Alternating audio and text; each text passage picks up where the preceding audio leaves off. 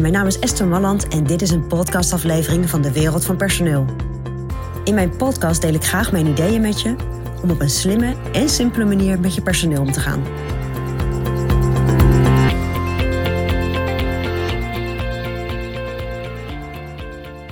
Ja, aan het eind van het jaar doe jij iets wat wellicht meerdere ondernemers doen. En dat is, je gaat kijken naar de salarissen en jij doet daar een paar procent bij. Omdat je zegt, ja, de inflatie is natuurlijk ook gewoon in, uh, in Nederland. En het is belangrijk om uh, elk jaar te indexeren met inflatie. Nou, kan. Nou kan ik je wel vertellen, dat is niet standaard in het MKB. Dus als je dat doet, is dat heel netjes. Kijk, als je een CAO hebt, dan zijn natuurlijk gewoon de, de stappen die liggen vast. Maar als je geen CAO hebt en je indexeert elk jaar, dan is dat heel netjes. maar als je dat doet, doe het dan wel goed. En met doe het goed bedoel ik, doe het niet te ruim, maak het niet te groot. Kijk wat er in Nederland gebeurt in MKB-bedrijven en volg dat. Dat kun je vinden ook op het CBS, hè, waarbij je ziet wat, wat jaarlijks de stappen zijn in cao's. En volg dat een beetje. Nou, het zal rond de 2% liggen, soms richting de 2,5%. In de crisistijd was het iets lager, richting de 1,7%. Maar hou dat een beetje aan, want laatst sprak ik een, uh, een ondernemer en die doet dat wat ruimer. Die zei ook, ja, weet je, in die indexatie nemen we ook een beetje mee of iemand goed functioneert. Maar zo vertelde hij mij dat die, ja, dat die indexatie soms wel rond de 5% lag.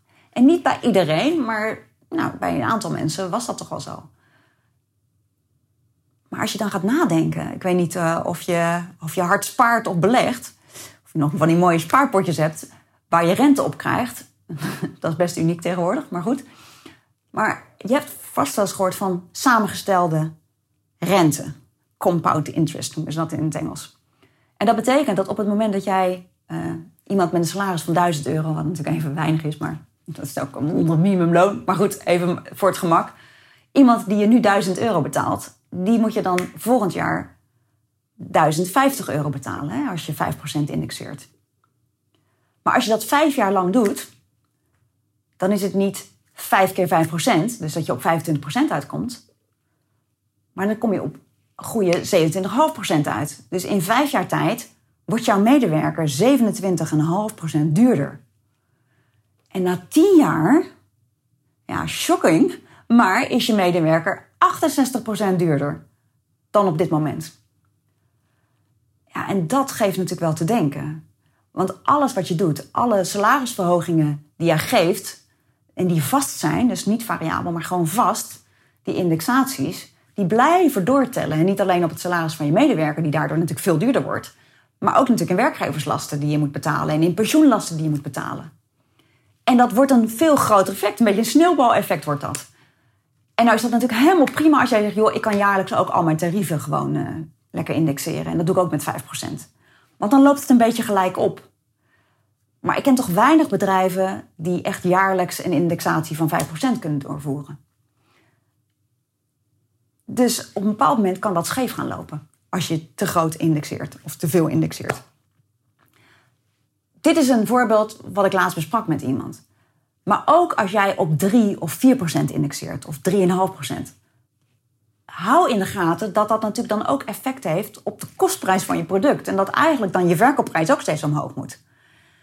En realiseer je ook dat wat nu 3,5% is en dat een paar jaar achter elkaar, ja, dat dat niet een optelsom van die 5 keer 3,5 is of van die 6 keer 3,5, maar dat het veel meer wordt. Omdat die bedragen natuurlijk ook steeds groter worden waar die 3,5% over geldt. Dus wees voorzichtig met steeds dat jaarlijks indexeren.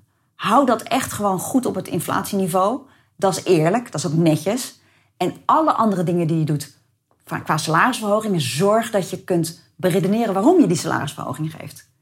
Heeft dat dan te maken met goed functioneren? Wat vind je dan dat, dat er goed is aan het functioneren? En daag je medewerker uit om dat dan volgend jaar ook te laten zien. Of maak er variabele beloning van.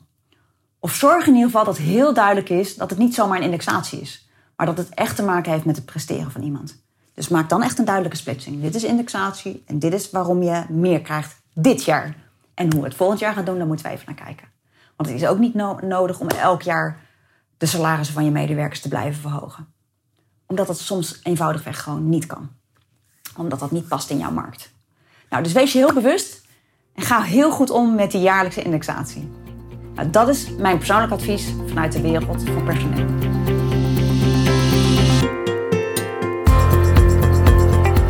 Wil je ontwikkelingen in de wereld van personeel blijven volgen?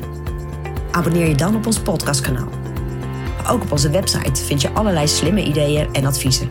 Dus kijk even rond op www www.dewereldvanpersoneel.nl